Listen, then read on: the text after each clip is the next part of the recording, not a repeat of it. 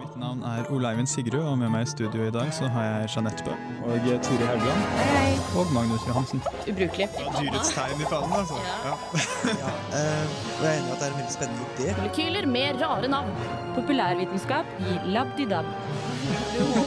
Du er en av dem. Uillustrert vitenskap.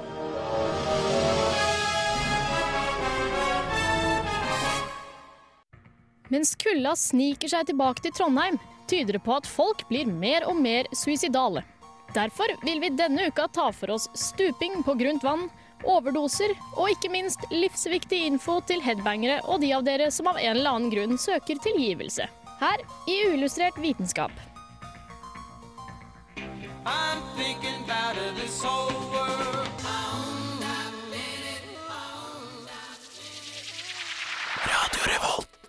Velkommen til eh, Uillustrert vitenskap. Selvfølgelig, det er torsdag, og med meg i studio så har jeg Ole Eivind Sigrud. Hei, hei. Ture Haugland kommer snikende etter hvert, og men så får dere klare dere med, med Ole Eivind og meg, Jeanette Bø.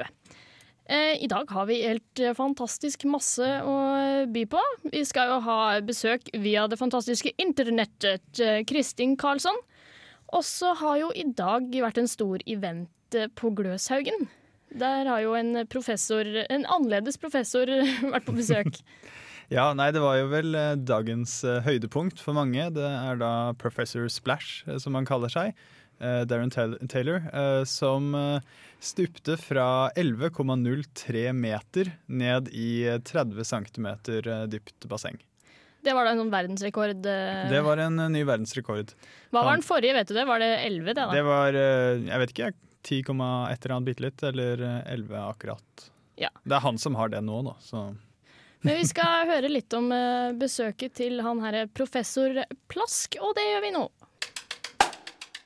Uh, my name is Darren Taylor, and I come from uh, the wonderful state of Colorado in the United States. Bedre kjent som Professor Splash er Taylor en stuntstuper, kjent for å gjennomføre høye stup ned i svært grunne bassenger. I dag tok han nok en verdensrekord ved å stupe fra over 11 meters høyde ned i kun 30 cm dypt vann.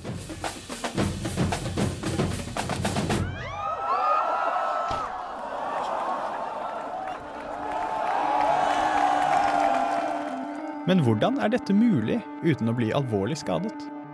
Well, the trick to this dive is to displace, to knock as much water out of that pool as I can for a cushion effect. It's considered uh, a belly flop, but this is actually a dive because my hands are hitting first. So it's considered a dive, but no, this is a real refined, a refined belly flop. Taylor påpeker også at det er best å lande i kaldt vann, siden dette har høyere tetthet og vil dermed gi en sterkere nedbremsning. Hoppet i dag ble hans 13. verdensrekord. Hvor høyt går det egentlig an å hoppe trygt fra på denne måten? I would say this is the limit right now. I'd say 11 meters is the uh, is the critical the critical uh, measurement right now. So I think this is pretty much topped out, and I'm uh, pretty much heading into retirement uh, here real soon. Mange tilskuere legger merke til de dempende mattene under bassenget. Noen går så langt som å kalle det juks. Men har de så stor betydning? That's a Guinness requirement for that. Uh, it's roughly 10, 12 inches of, uh, of foam. I don't feel it, but uh, it's a good question. A lot of people do notice that, and we uh, we try and you know not talk about that that much. It's been a long time since I've seen your smiling face. I'm James Randi, and you're listening to Unillustrated Science. Welcome to beautiful Antarctica as part of the 1023 International Homeopathic Over- Overdose Challenge. Six, five, four. How many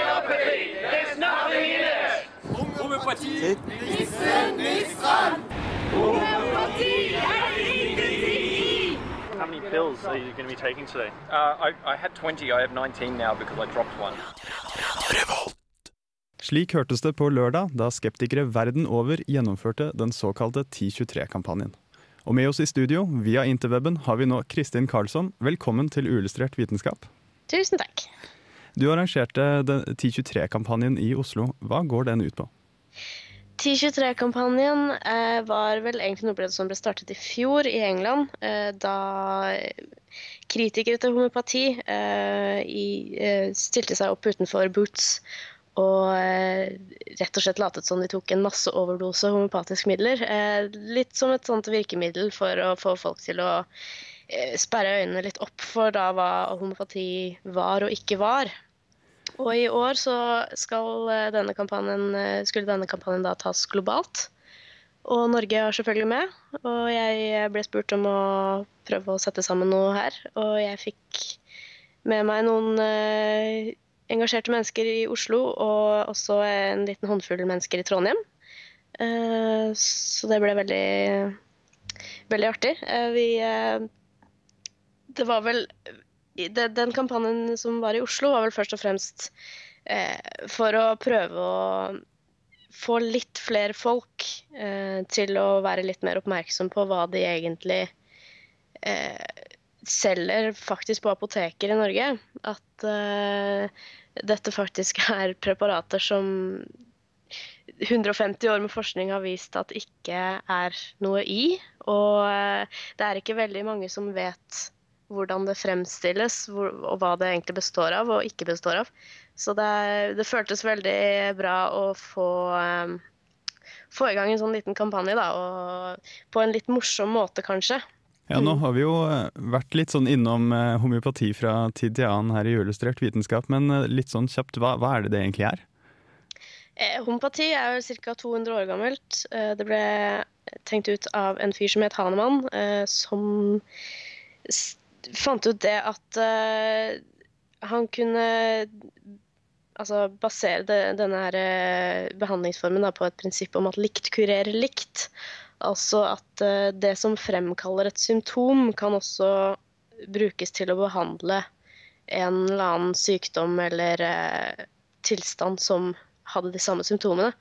Og måten man behandler det på, da, er å tynne det ut uh, i vann. Eh, på en, på en, litt sånn rituell måte. At man tar en dråpe av eh, virkestoffet og tynner det ut i så og så mange deler vann. Rister det i litt sånn forskjellige himmelretninger mens man banker det mot et underlag en, av hestehår eller en lærbok eller noe sånt.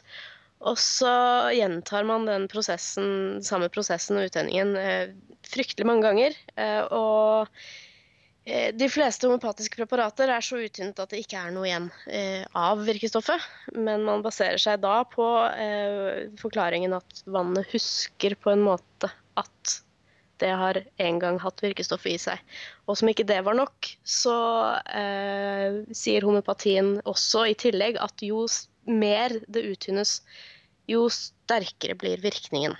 Så det er eh, ganske store skritt å ta med tanke på leaps of faith her, føler jeg, da. Jo, absolutt. Eh, men hvordan har eh, homeopatene da reagert på disse masseoverdosene? Nei, altså det, en, av, en av tingene som jeg har prøvd å få frem også, er eh, det vi prøver å ikke få frem med denne kampanjen her, er å liksom prøve å, å, prøve å bevise noe overfor homopater, eller å, å angripe enkeltbehandlere eller noe sånt som helst. Fordi altså, de har sine De har jo sine argumenter, og det er, det er på en måte ikke noe vits i å, å prøve å si imot dem, fordi de vet på en måte like godt som oss at det er jo ikke en overdose vi tok eh, i Oslo den, den helgen her. Det, det, det, er, på en måte ikke sånn man gjør det, da.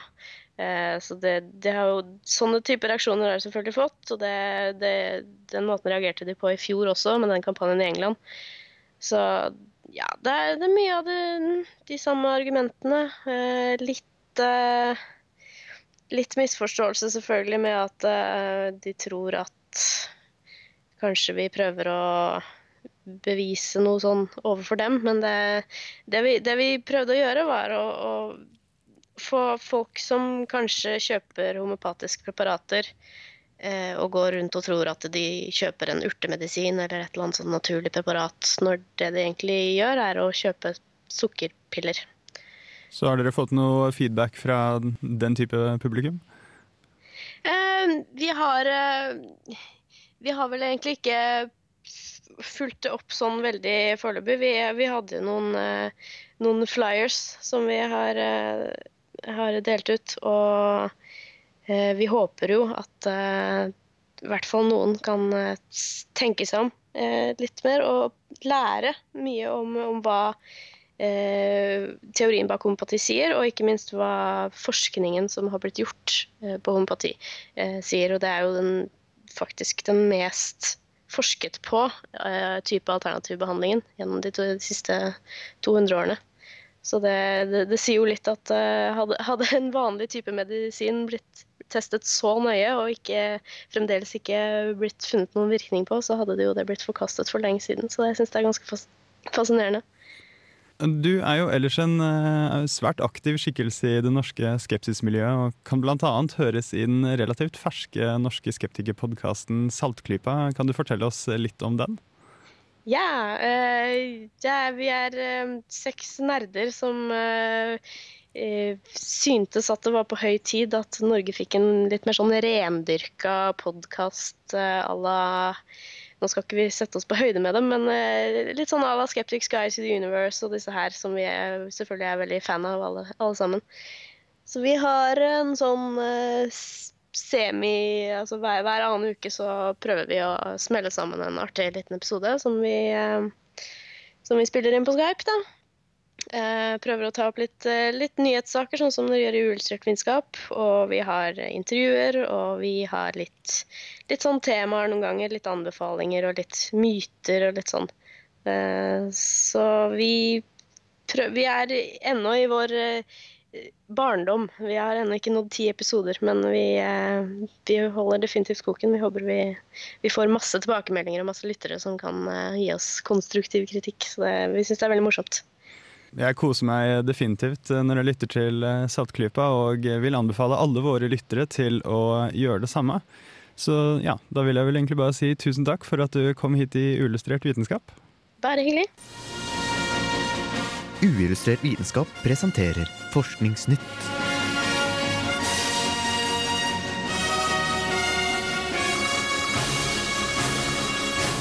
Forskningsnytt. Forskere ved Johns Hopkins kan ha funnet årsaken til hvorfor vi har et så bredt utvalg av fysiske egenskaper og sykdomsrisikoer. Svaret kan ligge i det de kaller for hoppende gener. Gener som klipper og limer seg inn i forskjellige steder i det menneskelige genomet. På en slik måte som gjør at ca. 1 av 50 individer har noen helt nye gener som ikke fantes i foreldrene. Japanere samarbeider nå med et fiskenettfirma for å lage et nett som skal kunne fange romsøppel. Romsøppel har blitt et stadig større problem, da det kan forårsake skader på satellitter, romstasjoner og diverse romoppdrag. Japans Aerospace Exploration Agency samarbeider med Nitto Seimo, som er ansvarlig for det første sterke knuteløse fiskenettet. Planen er å sende et supersterkt nett av trelags tråder opp med en satellitt, for så å slippe det løs i bane rundt jorden. Der vil det kunne fange opp ymse motordeler, partikler og forlatte satellitter som forsøpler området. Deretter er planen at jordens tyngdekraft vil trekke til seg nettet og brenne søppelet i atmosfæren.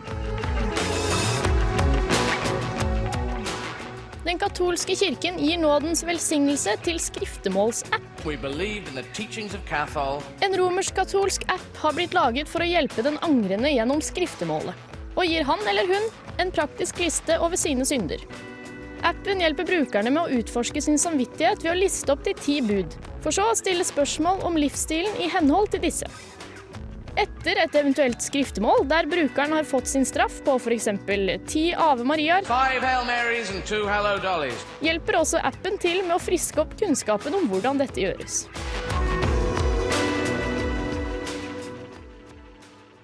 Ja, har du hørt? Det var jo meg eh, som presenterte Forskningsnytt for uke seks. Eh, Du snakket jo litt om disse hoppende genene, eh, men hva, hva var det som var så nytt med dem? Hva, hva var de gode for? ja, nå eh, De har jo eh, sluppet en, eh, sluppet en eh, artikkel på det her, som jeg tror du må ha tre doktorgrader og en veldig spesiell interesse for å skjønne. Men slik jeg forsto det, så er det en del av en del av det hoppende genet. Som, som de håper har en direkte link til, eh, til, til all slags sykdommer. Sånn alt fra Autisme er vel sykdommer. Men alt fra autisme til, til kreft, da. Og eh, det de liker med å finne ut sånn, er jo at de kanskje finner kurer og sånn. Ja. Så det er kanskje et skritt på vei dit. Så vidt jeg greide å lese. Er dette en av disse artiklene som eh, ja, blir slått opp med overskriften eh, 'Kan kurere kreft om fem år', eh, sånn at de skal få litt mer forskningsmidler, og så vil de jo egentlig ikke kurere kreft i det hele tatt? Nei, nei det som fanga oppmerksomheten min, var eh, hoppegener. Som jeg syntes hørtes kjempemorsomt ut. Og så var det ikke det, men, jeg, men jeg, da hadde jeg lest så mye at eh, det her måtte jeg nesten dele med resten av verden. Så tenkte du var sånn, eh, litt som disse ja, skirenngenene til trønderne som det har vært snakket så mye om, så kunne det være nye skihoppgener. Ja, det, det hadde ikke vært så interessant. Nei. Men uh, denne opprensingen av uh, sånn space debris var jo uh, ganske niftig, syns jeg. Ja, jeg syns det hørtes eh, ganske smart ut, men, men jeg, jeg lurer litt på presisjonen til det flyvende nettet som skal gå i, i bane rundt jorda, fordi der er det jo også veldig mye nyttig. Det er ikke bare skrot oppi, oppi der. Det er jo satellitter vi gjerne ikke vil bare kvitte oss med umiddelbart. Ja, helst ikke. Så hvis den plutselig skulle endre litt retning eller noe, så ville den jo bare feie med seg alt av TV-signaler og greier. Og så Eh, er det jo heller ikke sånn ekstremt ressursutnyttende da, å bare brenne opp eh, avfall i atmosfæren. Nei, så miljøvennlig som vi er, så, så tror jeg jeg ville satsa på, på den her printeren vi snakka om for eh, noen uker siden, om, som eh, tok og resirkulerte dritt og ting eh, fra verdensrommet og printa ut en ny del til, til maskinene man trenger i verdensrommet. Så kan eh, ja, sende opp en slik printer som da også kan skyte ut nett og dra dem tilbake igjen. Ja. Det er kanskje en Kanskje vi skal sende en mail, Eivind. Nå, syns jeg vi Ja. er på en flow. Men, uillustrert vitenskap redder verdensrommet. ja. Yeah. Eh, jo, og så snakka jeg om den derre Confession-appen. eh, som eh, Ja, det er et intervju på YouTube, faktisk, med en sånn Father George, eller hva han heter. eh, Som reklamerer for den fantastiske appen. Jeg tror kanskje han sto bak, for, sto bak hele appen i seg selv også. Og, Og, det, den her har faktisk den katolske kirke gått god for. ja, ja. De er kjempeglade. Av alle ting de, de gå, vil gå god for, altså som er ingenting, så velger de seg, aktivt på, så velger de seg ut en app. Gratulerer. Gratulerer, eh, Vatikanet. Jeg har sett veldig mange nyttesløse og meningsløse eh, iPhone-apps, men eh, en eh, skrifteapp er kanskje noe av det mest fjollete jeg noensinne har sett. Hvem, eh, hvem tror du egentlig kommer til å bruke den? Ja, det vil jo være eh, kristne, da. Gjerne katolske. Men tror du de kommer til å bruke en iPhone-app? Nei, fordi de er, For det er jo ikke sånn at de slipper unna å skrifte. Nei, du slipper ikke unna, fordi uh, du blir eh, eh, Appen forteller deg at nå er du slem. Da du har fylt ut alle spørsmålene sånn Har du ligget med kona til naboen? Og så svarer du ja. Og da forteller han deg nå må du gå og skrifte. Og så går du og skrifter, og så sier eh, presten sånn ja Ten hello dollies, som du hørte. Ja. Eh, så da hvis du har glemt hvordan du gjør det, da, det kan hende, så hjelper appen deg med det. Hvis du er veldig glemsk katolsk kristen, så kan det her være nyttig. Men for meg så er vel det her like nyttig som homeopati. Ja. Men apropos eh, eh, cosmic debris, eller eh, romskrot, så, kommer, så skal vi nå føre låta som jeg har gleda meg til en liten stund. Det her er Frank Zappa med 'Cosmic Debris'.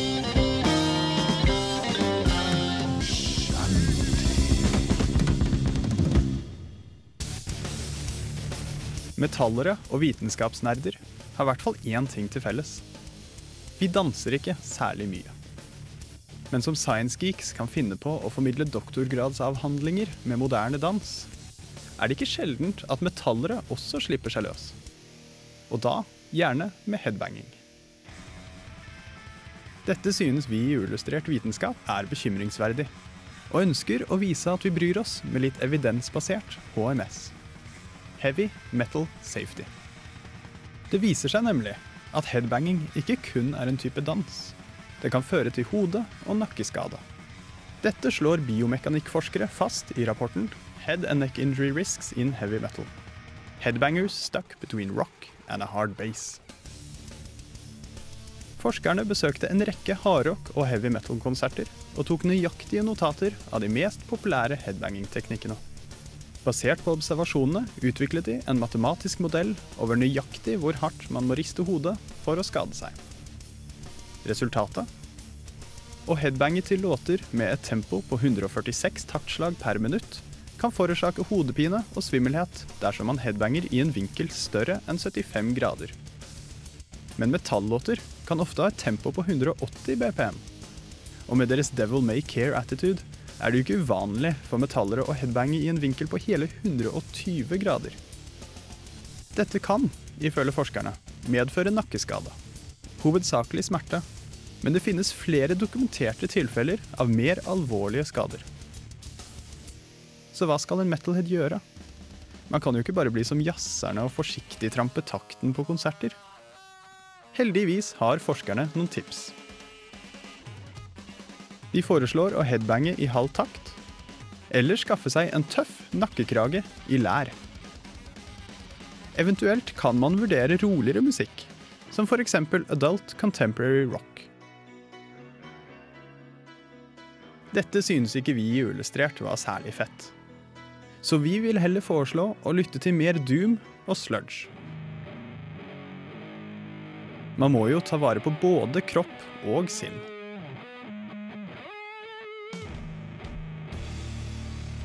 Men som den kildekritiske metalleren kanskje kan skjønne, er ikke dette siste ordet. Det trengs alltid mer forskning, og dette feltet er intet unntak. For vil puddelsveis kunne dempe akselerasjonen? Og dreads gjør det hele verre? Og hva med brystskader i moshpits? Forskerne tok heller ikke hensyn til hvordan alkoholinntaket påvirker det hele. Og kan vi lære noe om shaken baby syndrome ved å studere headbangere? Fagfellene syns alle dette er viktige spørsmål. Vel, alle bortsett fra én. Dr. Funk. Under tittelen 'The Kids Are All Right' mener han at headbanging ikke utgjør noen spesiell fare. Så hva vil du gjøre? Ta det litt mer med ro, eller følge metallråd fra Dr. Funk?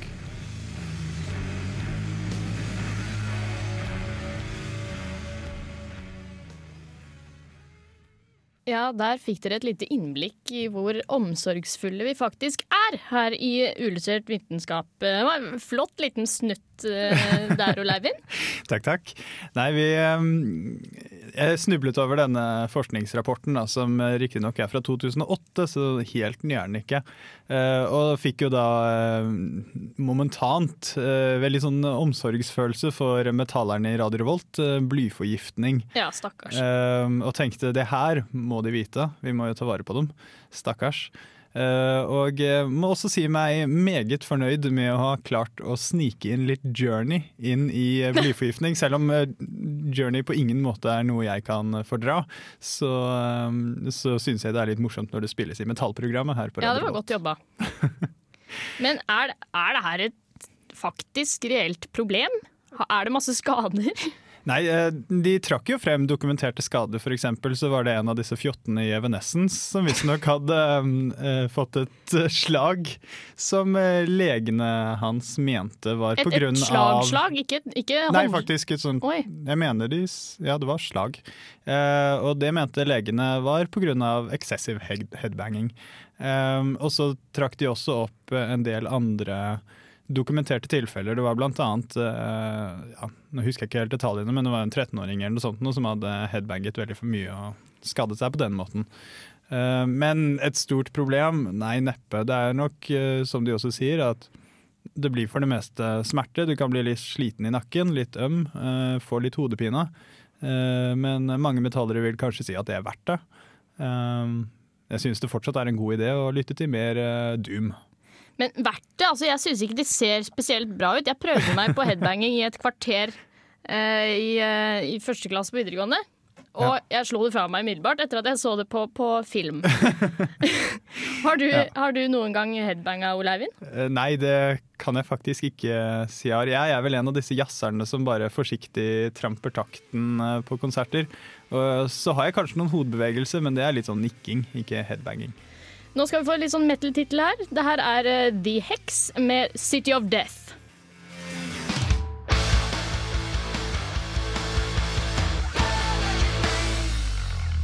Radio Revolt.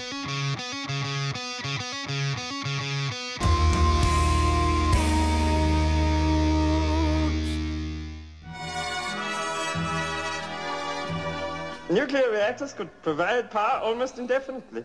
Greenhouses could maintain plant life. Animals could be bred and slaughtered. Uillustrert vitenskap. Kunne jeg bare si én ting? Eh, Hver gang jeg hører tommermenn, så, tømmermenn, så, Tømmermenn. så tenker jeg at hvis Jahn Teigen skulle bli med i et eh, litt sånn eh, stoner metal-band, eh, så hadde hørtes akkurat sånn ut. Det høres ut som det er Jahn Teigen som prøver litt sånn metallvokal. Ja, eh, det, det, det må jeg nesten eh, si meg enig i. Ja, fordi der hørte du jo faktisk Tømmermenn med Hellig. Dette må jo være en av disse headbangerne som vi var så bekymret for i stad. Og nå har vi jo faktisk vært så heldige å få æren av Turis nærvær. Jo, hei. Hei, hei. Hva har du gjort i det siste? Jeg har sittet og klippet og klippet. Reportasje. Ja, om hva da? Om hva da? Eh, om eh, planting av eh, mikroorganismer fra jorda ut i universet. Jaså. Det høres veldig kult ut. eh, Jeg er veldig spent på, på hva det er, og det skal vi kanskje få vite også. Men først så tror jeg vi spiller litt Siriusimo med Signal.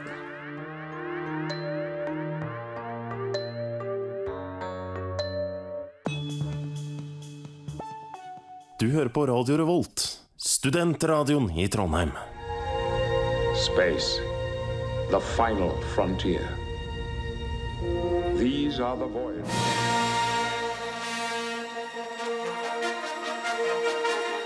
Dette høres gøy ut. Dessverre ville en interstellar ekspedisjon se litt annerledes ut. I løpet av den lange reisen dør de fleste passasjerer av strålingssyke eller alderdom. Når romskipet til slutt ankommer, krasjlander det på en blek, øde verden. Kapselen åpnes, inn siger den fremmede luften som dreper enda noen av de gjenværende passasjerene. De følgende dagene vil flere gå under av det uvante miljøet og den fremmede atmosfæren. Det er med andre ord ikke mye håp for mennesket på en fremmed planet. Og hvem ville vel frivillig meldt seg til en slik selvmordsekspedisjon? Men tenke seg at en annen livsform drar ut på ekspedisjonen. En bakterie, eksempel. Hvis én, bare én overlever, kan denne dele seg til to kloner. Avkommet til bakterien sin muterer og begynner å tilpasse seg. Den sprer seg rundt planeten og evolverer til nye livsformer. Men hvorfor skulle vi ønske å erstatte Luke Skywalker med en bakterie? Vel, som sagt viser det seg at det så å si er umulig for mennesker å bebo andre planeter. Likevel mener flere forskere det er ønskelig å sende ut encellede organismer for å skape en større mengde liv i universet. Michael Monter fra Virginia Commonwealth University er en av drivkraftene bak prosjektet. Han mener vi er kommet til et punkt der det faktisk nesten er mulig å gjennomføre.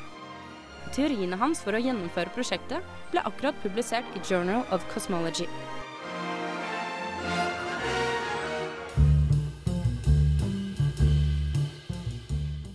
Men først, ideen om å sende tidlige livsformer fra planet til planet i seg selv er en gammel en. Den går under navnet panspermia.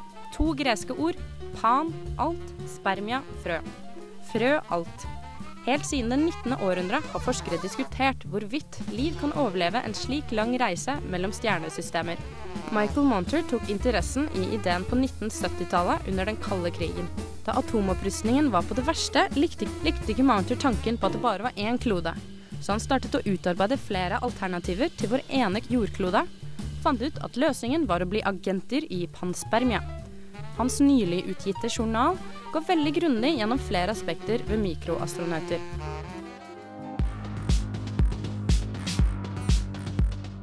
Mounter sender koloniskip med flere kapsler som inneholder mikrober. Målet vil være en ung steinplanet, ikke så ulik jorda.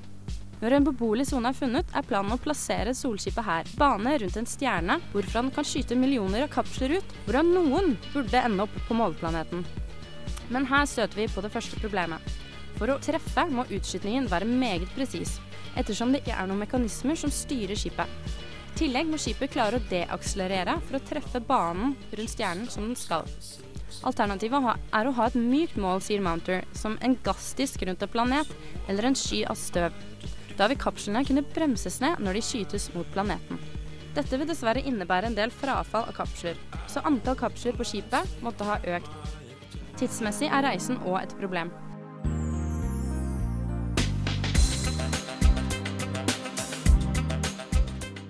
Til nærmeste tenkelig beboelig planet vil reisen ta minst 120 000 år.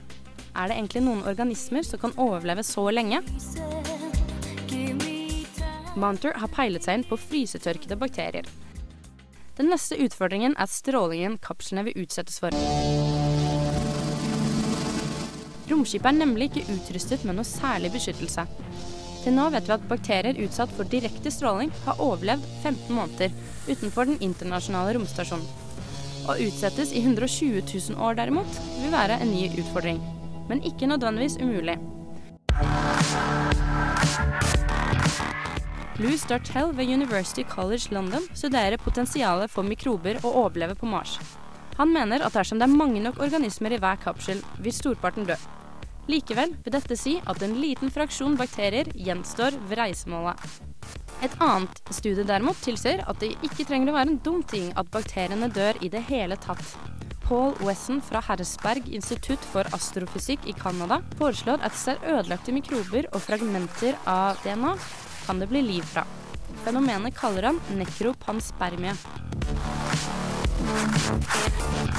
Nå sitter kanskje de fleste og klør seg i hodet og tenker hvorfor ikke bare bygge mer beskyttelse rundt kapslene? Eller ordne et robotsystem for å styre skipet og gjøre alt litt lettere? Problemet er at Mounter er redd ingen vil investere i prosjektet hans.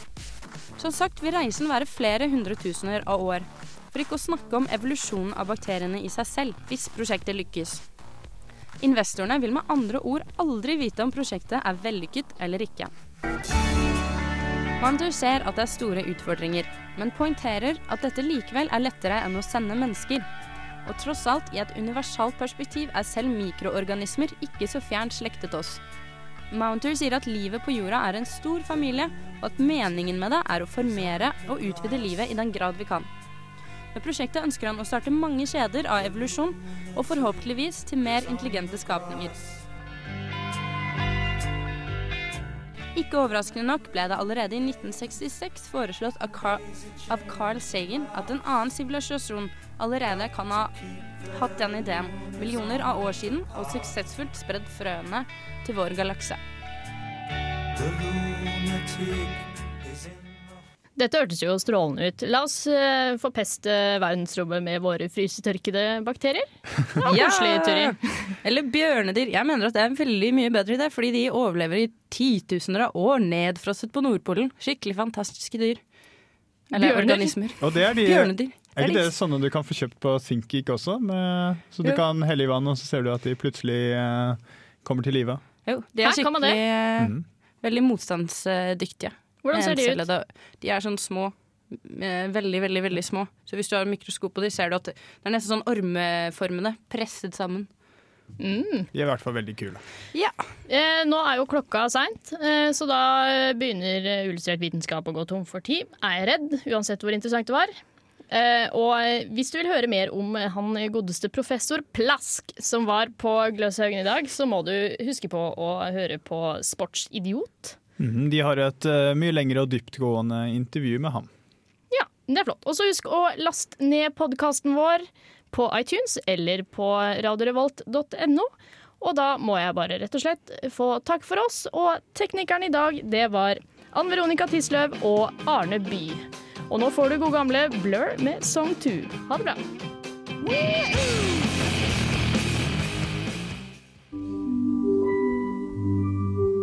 Uillustrert vitenskap er Midt-Norges eneste teknologimagasin på lokalradio. Og vi snakker om alt fra populærvitenskap til sære forskningsprosjekt ved NTNU.